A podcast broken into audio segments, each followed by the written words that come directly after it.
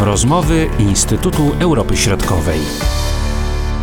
Kryzys wokół Ukrainy wywołuje skrajne oceny na Słowacji i w Czechach, zwłaszcza w tym pierwszym państwie znaczna część społeczeństwa i partii opozycyjnych nie kryje swoich prorosyjskich sympatii. Mało tego, wskazuje się, że to bardziej NATO przyczyniło się do obecnego kryzysu, a nie Rosja. W Czechach można powiedzieć tradycyjnie, Rosja może liczyć na wsparcie prezydenta Milosza Zemana i części ugrupowań opozycyjnych. Rządzące na Słowacji i w Czechach partie mają jednak zupełnie inny pogląd na ten temat temat. O różnych ocenach kryzysu wokół Ukrainy mówią dr Łukasz Lewkowicz i Szczepan Czarnecki z zespołu Wyszehradzkiego Instytutu Europy Środkowej.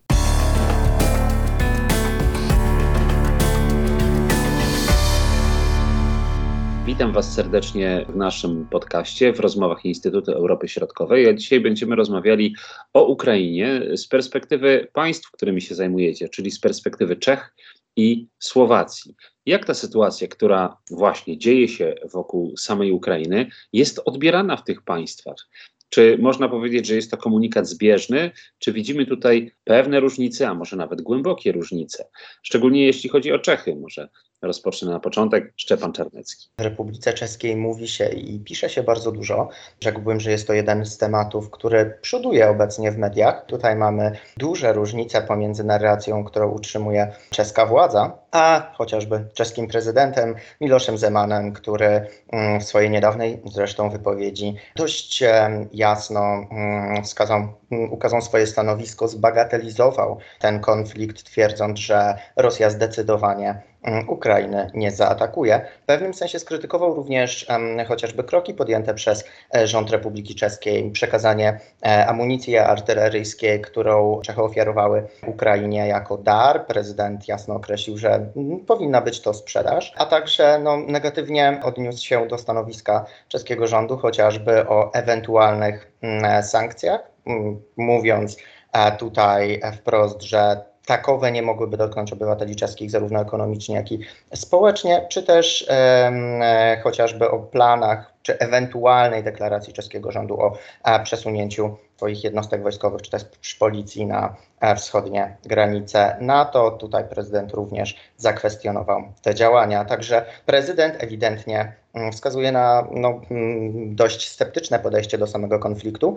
No i jednak musimy tutaj pamiętać o czeskim rządzie, który mm, wykazuje się dość dużą aktywnością i zaangażowaniem i na poziomie deklaracji, ale też i czynów. To znaczy, tak jak wspomniałem wcześniej, to przekazanie amunicji artyleryjskiej wartości 37 milionów koron, czy też dawek sprzętu medycznego, czy też deklaracja o leczeniu ukraińskich żołnierzy w przypadku takiej potrzeby w Republice Czeskiej, co już zresztą Czechy mają te e, scenariusze przygotowane. Także na tym poziomie i czynów widzimy pewne akcje, jak i deklaracji. I to jest, wydaje mi się, ta główna, najważniejsza e, wartość. No, obecny czeski rząd, przypomnijmy, nowy czeski rząd, to jest koalicyjna Mm, władza rządu Petra Fiali złożona z pięciu mm, ugrupowań politycznych, no jasno staje w, tym, w tej sytuacji za Ukrainą, wskazując na poparcie dla Ukrainy, może przygotowując też różne scenariusze i rozwiązania, no ale do tego e, może za chwilę przejdziemy. Tutaj można powiedzieć, że y, niewiele nas zaskakuje, bo z jednej strony można było się spodziewać takiego, a nie innego stanowiska obecnego czeskiego rządu i także takiego, a nie innego stanowiska prezydenta Milosza Zemana. Natomiast jaki jest odbiór społeczny Merci. Właśnie tego konfliktu. Z jednej strony jest to na pewno obawa społeczna i to, to niewątpliwie jak każda sytuacja, w której mówi się o konflikcie zbrojnym, prowadza pewne rodzaje niepokoju społecznego i to nie tylko wprost. Tutaj musimy przypomnieć, że prawda, Czechy nie graniczą bezpośrednio z Ukrainą, więc ta sytuacja jest zgoła odmienna aniżeli w przypadku Słowacji czy Polski. Natomiast te konsekwencje takiego konfliktu mogą być um, o wiele dalsze e, i są to chociażby prawda, kwestie cyberbezpieczeństwa i cyberataków, są to kwestie kwestie e, chociażby wzrostu cen energii e, e, ze względu na wzrosty kosztów importu, czy różnego rodzaju inne czynniki społeczne. Więc stąd na, na tym poziomie widzimy ewidentną, mm, ewidentny problem i obawę czeskiego społeczeństwa. Z drugiej strony, no to też nie jest tak, że jest to problem, który w czeskim społeczeństwie wybija się na numer, problem numer jeden. I musimy też pamiętać o polaryzacji czeskiego społeczeństwa. To jest ta polaryzacja, która jest widoczna i podczas wyborów. Mamy w Czechach jednak też partię o dość silnym prorosyjskim wydźwięku. Tu to, chociażby Tomio Okamura, mm, który w tym momencie prawda, ma poparcie powyżej 10% społeczeństwa i jednak pewnej specyficznej części mm, społeczeństwa, która wykazuje cechy rusofilii. Więc to w czeskim społeczeństwie będzie obecne. Natomiast tą dominującą narracją jednak będzie ta e, po pierwsze obawa sama w sobie, po drugie właśnie wsparcie dla Ukrainy. Trochę w innej sytuacji jest natomiast Słowacja, która graniczy z Ukrainą, prawda? I tutaj troszeczkę inaczej postrzega się na pewno ten konflikt. I może też rozpocznę, bo tutaj Szczepan kończył można powiedzieć, swoją wypowiedź od tego społecznego odbioru, a jak to wygląda właśnie ten społeczny odbiór tego konfliktu z punktu widzenia Słowacji? No niewątpliwie ten cały kryzys rosyjsko-ukraiński, on powoduje poważny podział społeczny i przy okazji polityczny na Słowacji. To jest temat numer jeden, który też łączy się w dużym stopniu z kwestią podpisania umowy obronnej ze Stanami Zjednoczonymi. W parlamencie toczy się właśnie debata, bardzo gorąca debata nad przyjęciem tej umowy wojskowej. Ona jest dlatego gorąca, bo tam dochodzi wręcz do rękoczynów. Posłowie wychodzą z flagami Słowacji, z flagami Ukrainy, oblewają się wodą. Dookoła parlamentu mamy y, protestujących, którzy są związani z, z partiami opozycyjnymi. Są przede wszystkim zwolennicy y, partii LSNS Mariana Kotleby i, i partii socjaldemokratycznych, opozycyjnych, Smer SD i Chlas SD, więc widać, y, że, że ta atmosfera polityczna jest bardzo napięta. Natomiast jeśli chodzi o postrzeganie konfliktu przez społeczeństwo słowackie, to ja mogę powiedzieć tak y, ogólnie, że moim zdaniem ten dyskurs polityczny od wielu lat na Słowacji, on się jednak charakteryzuje pewnym rodzajem rusofilii, to znaczy wielu polityków, ale także społeczeństwo, bo pamiętajmy, że politycy są emanacją społeczną, są po prostu prorosyjscy często. I to pokazują badania y, opinii publiczne robione przez różnego rodzaju sondażownie czy think tanki. Na przykład Globsek działający na Słowacji robi regularne badania właśnie podejścia E, państw Grupy Wyszehradzkiej do różnych kwestii międzynarodowych i od wielu lat wychodzi, że Słowacy są generalnie mniej krytyczni wobec tej polityki neoimperialnej Rosji i bardziej antyamerykańscy i antynatowscy niż pozostałe państwa Grupy Wyszehradzkiej. Poza tym w tych badaniach robionych już takich stricte politycznych na bieżąco na Słowacji, między innymi przez sondażownię Focus z początku tego roku, także wyszły dosyć zaskakujące wyniki, które pokazują troszeczkę brak zrozumienia sytuacji na wschodzie Ukrainy, być może też niezbyt dobrą y, politykę informacyjną obecnego rządu słowackiego. Y, bo te badania właśnie z końca stycznia pokazały, że większość społeczeństwa słowackiego obwinia za kryzys y, na granicy rosyjsko-ukraińskiej i w państwach bałtyckich Stany Zjednoczone i NATO. To jest ponad 44% ankietowanych. Natomiast Rosja jako agresor jest wymieniana przez 34,7%. Pamiętajmy, że cały czas mówimy o państwie, które jest członkiem Paktu Północnoatlantyckiego. Dokładnie i państwo, które właśnie graniczy z Ukrainą, tak jak tutaj Szczepan wspomniał, tak więc e, te, te kwestie dotyczące Ukrainy są na pewno bardzo istotne. E, co ciekawe, e, też wiekowo to się dosyć ciekawie prezentuje. To znaczy, te badania pokazały, że y, tą rosyjską narrację przyjmują osoby starsze i to w jakimś stopniu może być zrozumiałe, tak? One może są bardziej, to są wyborcy właśnie tych partii często antysystemowych czy partii socjaldemokratycznych, ludzie, którzy może mają jakieś doświadczenia y, związane z komunizmem, może mają jakiś resentyment do Rosji. Natomiast jednocześnie te badania pokazały, że stosunkowo dużo osób młodych, y, najmłodszych również E, tą narrację dotyczącą tego, że winne są Stany Zjednoczone i NATO przyjęło. Więc to jest bardzo ciekawe, że, że w 2022 roku e, społeczeństwo słowackie jest tak podzielone. I oczywiście e, te pewne trendy, te pewne tendencje prorosyjskie, antynatowskie, antyamerykańskie, one wpływają na polityków. Z tego względu, że no mamy dosyć twardą walkę polityczną na Słowacji między partiami opozycyjnymi a partiami koalicji rządowej i te tendencje właśnie dotyczące konfliktu na Ukrainie, podpisania umowy słowacko-amerykańskiej, umowy wojskowej. One powodują jakby takie narastanie tego konfliktu. Liczą się emocje, one są podgrzewane przez polityków. Podczas tej debaty parlamentarnej no, jest bardzo gorąca atmosfera, dużo ludzi właśnie pod parlamentem, którzy protestują przeciwko tej umowie, uważając, że ta umowa ograniczy suwerenność Słowacji i doprowadzi na przykład do umieszczenia broni jądrowej na obszarze tego kraju.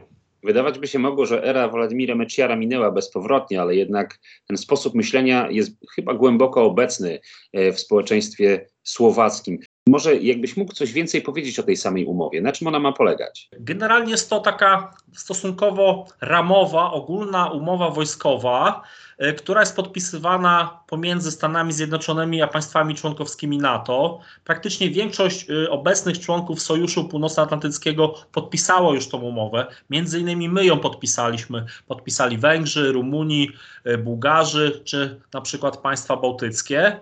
Ona ma generalnie na celu uregulowanie statusu prawnego i warunków obecności żołnierzy amerykańskich oraz członków ich rodzin, personelu cywilnego, a także dotyczy m.in. modernizacji czy wsparcia modernizacji e, słowackiej infrastruktury obronnej. Tutaj chodzi konkretnie o dwa lotniska wojskowe na Słowacji, które mają być jakby dofinansowane przez Amerykanów, mają być właśnie zmodernizowane. E, umowa jest dosyć klasyczna. Ona y, wbrew temu, co mówi opozycja czy przeciwnicy jej podpisania, w dużym stopniu nie będzie ograniczała suwerenności, ponieważ ona nie udziela takiej nieograniczonej zgody na obecność tych wojsk amerykańskich. Znaczy, to nie jest tak, że one mogą robić tam wszystko, że to jest jakieś pozbawione zarządzania przez stronę słowacką terytorium, zarządzane tylko przez Amerykanów. Oczywiście tutaj e, prawo słowackie czy, czy nadzór przez organy konstytucyjne słowackie będzie cały czas realizowany. E, umowa ma być zawarta na 10 lat z możliwością przedłużenia.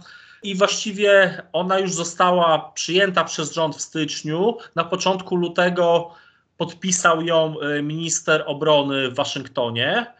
Natomiast teraz, tak jak wspomniałem wcześniej, ona jest procedowana przez parlament, później ma być przyjęta również przez prezydent Zuzanę Czaputową. Natomiast to najwię najwięcej kontrowersji właśnie budzi e, ta umowa w parlamencie, bo tak jak mówiłem, część opozycji, tej parlamentarnej, ale także pozaparlamentarnej, bardzo gorąco się sprzeciwia podpisaniu tego dokumentu. I tutaj mamy gorącą debatę na Słowacji. Czy taka debata gorąca dotycząca właśnie tych spraw około rosyjsko-ukraińskich też jest obecna, czy raczej z takim pragmatyzmem i większym wyciszeniem y, odbywa się y, dyskusja wokół tych właśnie zagadnień? No zdecydowanie z większym wyciszeniem, z, mniejszą, e, z mniejszym poziomem spolaryzowania i, i konfliktu, który by e, doszedł aż do e, takiej skali. No zdecydowanie tutaj mamy informacje ze strony mm, czeskiego rządu, która jest jasna, klarowna. Mamy tutaj informacje, które są przedstawiane w mediach, są również dość jasne i klarowne i mamy troszkę bardziej sceptyczne głosy ze strony drugiej, czyli tutaj już wspomnianego prezydenta, czy pewną może krytykę podejścia do podejmowanych decyzji ze strony polityków byłego rządu, ale to już jest bardziej w kwestii, czy nie za szybko są podejmowane te decyzje, czy mm, na przykład chociażby to, że czeska władza mm, bardzo szybko ogłosiła, że jest zdolna do tego, aby poprzeć różnego rodzaju restrykcje. Inną stroną jest to, że Czechy są w sytuacji jednak o wiele bezpieczniejszej. Tutaj nie mamy bezpośredniej granicy. Tutaj znowuż wspomniana wcześniej rusofilia to jedna kwestia, z drugiej strony mamy jednak mm, bardzo sceptyczne wobec Rosji władze i mamy dość sceptyczne wobec Rosji społeczeństwo. To są jeszcze kwestie prawda pamięci, to są kwestie 68 roku e, i tak dalej, i tak dalej. Więc wydaje mi się, że to są czynniki, które odgrywają jednak istotną rolę e, w tym e, czeskim podejściu i w pewnego rodzaju pragmatyzmie. Inną kwestią jest to, jak tak naprawdę mm, czeska władza będzie reagować później. Wiele głosów jest słyszalnych e, dotyczących bądź nawet pytań, co Czechy mogą zrobić w tej sytuacji i bardzo często słyszy się również o tym, że powinna być to jednak wsparcie dla Ukrainy, ale w perspektywie długoterminowej, czyli współpraca, czyli wymiana ekonomiczna, czyli pomoc Ukrainie w budowaniu standardów demokratycznych i w rozwoju, czyli no, deklaracje znowuż bardzo długoterminowe. Jeszcze na chwilę może y, powróćmy do y, samej postaci pana prezydenta Milosza Zemana. I tutaj mieliśmy kilka może już kilkanaście dni temu taką sytuację, że dowody dotyczące e, tej eksplozji materiałów wybuchowych e, w składach właśnie z amunicją przy granicy z Austrią, z tego co pamiętam, tego śledztwa, które było toczone, dowody w tej sprawie przekazane prezydentowi, no właśnie zostały zniszczone. Czy to gdzieś dalej jest komentowane? Oczywiście, że tutaj ta sprawa jest komentowana. Nawet w ostatniej wypowiedzi prezydent powiedział, że brak jest jasnych dowodów na to o udziale e, rosyjskich służb specjalnych w tymże wybuchu. Także jest to sytuacja, która dalej będzie się ciągnęła i dalej będzie konflikt, znaczy tą osią konfliktu na tym poziomie i tu musimy się właśnie odnieść do, do tej sytuacji obecności Federacji Rosyjskiej w Czechach. Nie jest nowinką, że w Czechach funkcjonuje jedna z największych ambasad mm, Federacji Rosyjskiej. Ambasada ta jeszcze wcześniej w Pradze zatrudniała powyżej 140 osób, także ten aparat administracyjny jest niezwykle rozbudowany, jeżeli chodzi o państwa Europy Środkowej. Tutaj mamy też niezwykłą intensywność rosyjskiego wywiadu, przenikanie do różnego rodzaju struktur e, politycznych na różnych poziomach, ale też do nauki. Od 2000 roku, jak informują służby bezpieczeństwa Republiki Czeskiej, Federacja Rosyjska jest niezwykle zainteresowana różnymi mm, programami naukowymi czy rozwojem technologii w Republice Czeskiej, a także medycyną. Także mm, ten aparat rosyjski w Republice Czeskiej jest niezwykle rozbudowany. On jest też widoczny na poziomie politycznym. Tutaj nie chcę prezydentowi zarzucać czegokolwiek, natomiast wiemy, że czescy politycy odwiedzali Federację Rosyjską, że kilku polityków mm, było w grupach na Facebooku jako przyjacieli Federacji Rosyjskiej, że były też odwiedziny na Donbasie przed kilkoma laty, gdzie mm, odgrywano hymn Federacji Rosyjskiej. Także e, ten problem rosyjski w polityce Republiki Czeskiej jest niewątpliwie widoczny, tylko że przesunął się w tym momencie do e, opozycji czeskiej. No, mm, czeskiej partii, czeska partia komunistyczna już nie jest obecna w parlamencie, natomiast możemy w dwóch obecnych opozycyjnych partiach politycznych znaleźć, mm, nazwijmy to sojuszników Federacji Rosyjskiej, aczkolwiek podkreślić należy, że obecna władza złożona z tych pięciu partii politycznych jest niezwykle krytyczna wobec polityki Federacji Rosyjskiej, jak i Chin, które w tym momencie nie są mm, przedmiotem naszej rozmowy. Natomiast Federacja Rosyjska w ostatnich latach i była też częścią prawda, kampanii wyborczej, w której często dyskredytowano i zarówno współpracę z Federacją Rosyjską, jej rozwój, jak i wpływ Federacji Rosyjskiej i jej obecność w Republice Czeskiej. No i dziś obecna władza podkreśla to na, na każdym poziomie, co wydaje mi się, że jest dużym znakiem wartościowym, znakiem solidarności i też mm, pewnego rodzaju mm, wskazania, że tak, my jesteśmy dziś z Ukrainą, mówiąc o tym, że to Ukraina jest bardzo ważnym dla e, Republiki Czeskiej partnerem i że rozwój tej współpracy gospodarczej jest e, dla Czech, jak i dla Ukrainy niezwykle korzystny. Inna kwestia, co powiedział jeden z analityków czeskich w debacie dotyczącej właśnie, jak Czesko, Czeska, Republika Czeska powinna wobec Ukrainy e, reagować, e, no, powiedział coś, co wydaje mi się, że jest bardzo znamienne mm, dla części przynajmniej tej obecnej polityki w Republice Czeskiej jest to, że siła Ukrainy zależy też od tego, jak silnych ma partnerów. Także wydaje mi się, że możemy, mm, tak sumując, wskazać, że faktycznie są te głosy sceptyczne, faktycznie to, co mówi prezydent e, Zeman, jest słyszalne, do czego odniósł się chociażby minister e, spraw zagranicznych Ukrainy, mówiąc, że jego słowa nie wpłyną na to budowanie relacji pomiędzy Czechami a Ukrainą. Natomiast ta narracja obecnego rządu jest jasna i klarowna. Mm, no, tylko będziemy musieli czekać, jakie będą szły za tym czyny. Jeśli chodzi o Słowację, czy tutaj brane są pod uwagę, no właśnie, te różne scenariusze rozwoju tej sytuacji na Ukrainie? Tak, oczywiście. W mediach, w dyskusji publicznym mamy bardzo dużo informacji dotyczących tego konfliktu, czy potencjalnej eskalacji konfliktu. Nawet w wielu e, takich mainstreamowych mediach e, pisane są scenariusze e, ewentualne dla Słowacji. E, generalnie, gdyby ten konflikt eskalował, bo, bo nie wiemy, jak to będzie wyglądało w najbliższych tygodniach czy miesiącach, e, no to niewątpliwie Słowacja może poczuć to w sposób przede wszystkim ekonomiczny, może być dotknięta ekonomicznie. Pamiętajmy, że Słowacja jest państwem tranzytowym, jeśli chodzi o gaz rosyjski do Europy, no, również przez terytorium ukraińskie, więc w sytuacji konfliktu między Ukrainą a, a Rosją prawdopodobnie ten kurek z gazem zostałby zakręcony, co spowodowałoby duży problem dla przemysłu czy dla odbiorców indywidualnych na Słowacji. Pamiętajmy, że ten kraj nie, jest, nie do końca zdyzerfikował swoje dostawy gazowe, co jest jakby dużym wyzwaniem w obecnej sytuacji. Podobnie jeśli chodzi o zakup ropy naftowej czy paliwa jądrowego z kierunku wschodniego, e, to też może zostać e, zahamowane. Mniejszym problemem, ale jakimś tam problemem jest również kwestia wymiany handlowej, bo ona może być jeszcze bardziej ograniczona z Rosją. Ona już jest ograniczona ze względu na sankcje i na to też politycy opozycji zwracali, że te sankcje są nieskuteczne i dotykają E, w dużym stopniu właśnie biznesmenów czy rolników e, e, słowackich, no ale, ale w sytuacji eskalacji konfliktu prawdopodobnie te sankcje by zostały przez Unię Europejską rozszerzone, a Słowacja musiałaby się do tego dostosować. No po, podobnie pewnie wymiana handlowa z Ukrainą również zostałaby ograniczona. Wskazuje się również na kwestię wycofania się inwestorów zagranicznych ze Słowacji. No pamiętajmy, że Słowacja w dużym stopniu jest uzależniona od tych bezpośrednich inwestycji zagranicznych, no chociażby przemysł motoryzacyjny, prawda? Jeden z największych e, e, w Europie. E, Słowacja no, jest potęgą, jeżeli chodzi właśnie o produkcję samochodów, ma kilka dużych fabryk. I to też mogłoby wpłynąć na zainteresowanie tych inwestorów zagranicznych. Część by się wycofała, część by nie podjęła jakby ryzyka, żeby w takim kraju frontowym, można powiedzieć, e, inwestować. No i oczywiście ten wymiar społeczny. E, każdy konflikt powoduje kryzys humanitarny. Mamy wspólną granicę, ona jest niewielka, to jest pewnie około 90 kilometrów, ale jest i pewnie część e, uchodźców z, z terenów Ukrainy próbowałoby się dostać do tych państw wschodniej flanki Unii Europejskiej, przede wszystkim do Polski, bo tam jest ta największa diaspora, ale również na Słowację. I to też jest pytanie, jakby to wyglądało, czy Słowacja byłaby w stanie te osoby przyjąć, zagospodarować e, i tak dalej.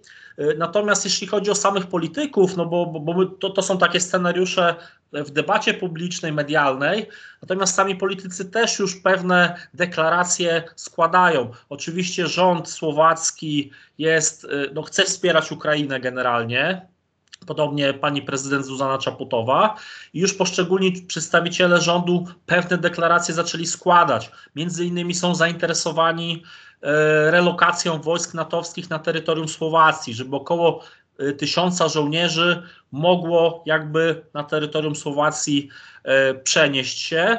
W debacie pojawia się również, jakie wojska natowskie miałyby się na Słowacji znaleźć. Między innymi minister obrony Słowacji Jarosław Nadź zasugerował, że mógłby to być kontyngent wojskowy z Republiki Czeskiej, co potwierdził minister spraw zagranicznych Czech Jan Lipawski, który stwierdził, że chętnie takie wojska mogliby na Słowację wysłać. Podobnie minister spraw zagranicznych Słowacji Iwan Korczok również e, na temat tej relokacji wojsk e, powiedział. Powiedział o tym również marszałek parlamentu Boris Kolar. On stwierdził, że w sytuacji no, jakiegoś zagrożenia, można by było nawet sprowadzić na Słowację do 10 tysięcy żołnierzy.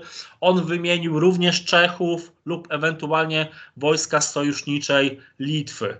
Tak więc widać, że, że już są jakieś pewne konkretne, e, e, wstępne deklaracje, jakby taka relokacja i z jakiego kierunku miałaby być. Podobnie opowiedziała się również Zuzana Czaputowa, która również stwierdziła, że w sytuacji eskalacji kryzysu e, powinna istnieć możliwość stacjonowania wojsk natowskich na Słowacji, dodatkowych wojsk. E, jednocześnie podkreśliła, że strona słowacka powinna mieć prawo wyboru tego, z kim będzie w tym zakresie współpracować. E, tak więc widać, że ta strona rządowa, strona prezydencka ma w miarę jedno jednoznaczne stanowisko wobec konfliktu. No oczywiście zupełnie inne stanowisko prezentuje duża część y, opozycji i biorąc pod uwagę obecne badania opinii publicznej, te najnowsze z początku roku, te partie opozycyjne, które właśnie opowiadają się przeciwko zaangażowaniu w konflikt rosyjsko-ukraiński, to są te partie, które prawdopodobnie, podkreślam prawdopodobnie, bo jeszcze mamy dwa lata do wyborów parlamentarnych, mogą te wybory wygrać i tworzyć przyszłą koalicję rządową. Mam tu na myśli wspomniane na początku wywiadu Chlas SD Petera Pellegriniego i Smer SD Roberta Fico, czyli obu byłych premierów.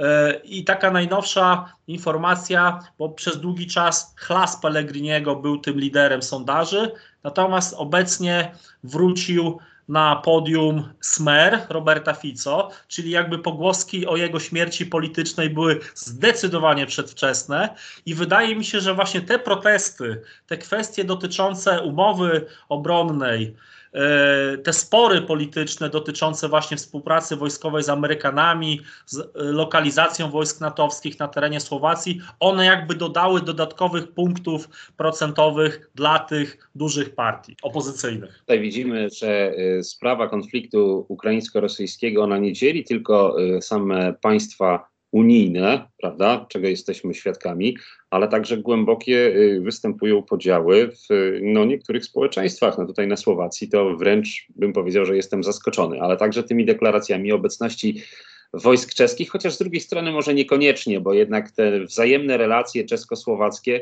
no one są y, dosyć specyficzne i wynikają jednak z tej tradycji jakiegoś myślenia jednak o, tym, o tej przeszłości, wieloletnim jednak wspólnym państwie. Zdecydowanie tak jest. Um, tutaj już zresztą minister spraw wewnętrznych Republiki Czeskiej Witra Kuszan, grupowania Stan, powiedział, że Czes, Czechy, Republika Czeska ma już historycznie przygotowane plany e, na rozwiązywanie po, ewentualnie powstałego konfliktu i wskazał tutaj również na Słowację, prawda, że Republika Czeska jest chociażby bardzo szybko w stanie przetransportować zarówno jak i materiały, jak i um, zająć się relokacją żołnierzy czy też policjantów. On wspomniał tutaj o kontyngencie policyjnym na Słowacji, więc ta relacja wzajemna Czech i Słowacji oczywiście, że jest długa a, i te scenariusze istnieją, także to nie podlega akurat tutaj jakimkolwiek kwestionowaniu. Teraz obecnie właśnie trwa wyjazd ministrów spraw zagranicznych Trójkąta Sławkowskiego do Kijowa i na te obszary właśnie przygraniczne w Donbasie, czy jest między innymi minister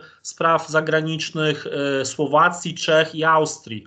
I, i oni podczas takiej dwudniowej e, wizyty oficjalnej no, rozmawiali z swoimi partnerami ze strony ukraińskiej na temat rozwiązania tego konfliktu. To pokazuje, prawda, gdzie są te pewne E, no, kierunki polityki zagranicznej i ten trójkąt Sławkowski w tym przypadku no, uległ pewnemu wzmocnieniu, tak? Czyli ci trzej ministrowie z tych państw sąsiedzkich e, udali się na, na, na, na Ukrainę i rozmawiają z tą stroną ukraińską. To jest taka ciekawostka. Z tego co wiem, ministrowie odwiedzili właśnie Kijów i Donbas, a natomiast minister spraw zagranicznych Jan Lipawski z Czeskiej Partii Piratów zadeklarował dostarczenie różnego rodzaju sprzętu medycznego na Ukrainę i pomocy dla ukraińskiego Czerwonego Krzyża w tym czasie. Także to, co powiedział dr Lewkowicz, no ta współpraca Czech-Słowacji, w tym przypadku również Austrii, ma duże znaczenie i też pokazuje pewien kierunek, natomiast stanowi też wysoką wartość na poziomie symbolicznym. Będziemy pilnie śledzić rozwój sytuacji wokół Ukrainy,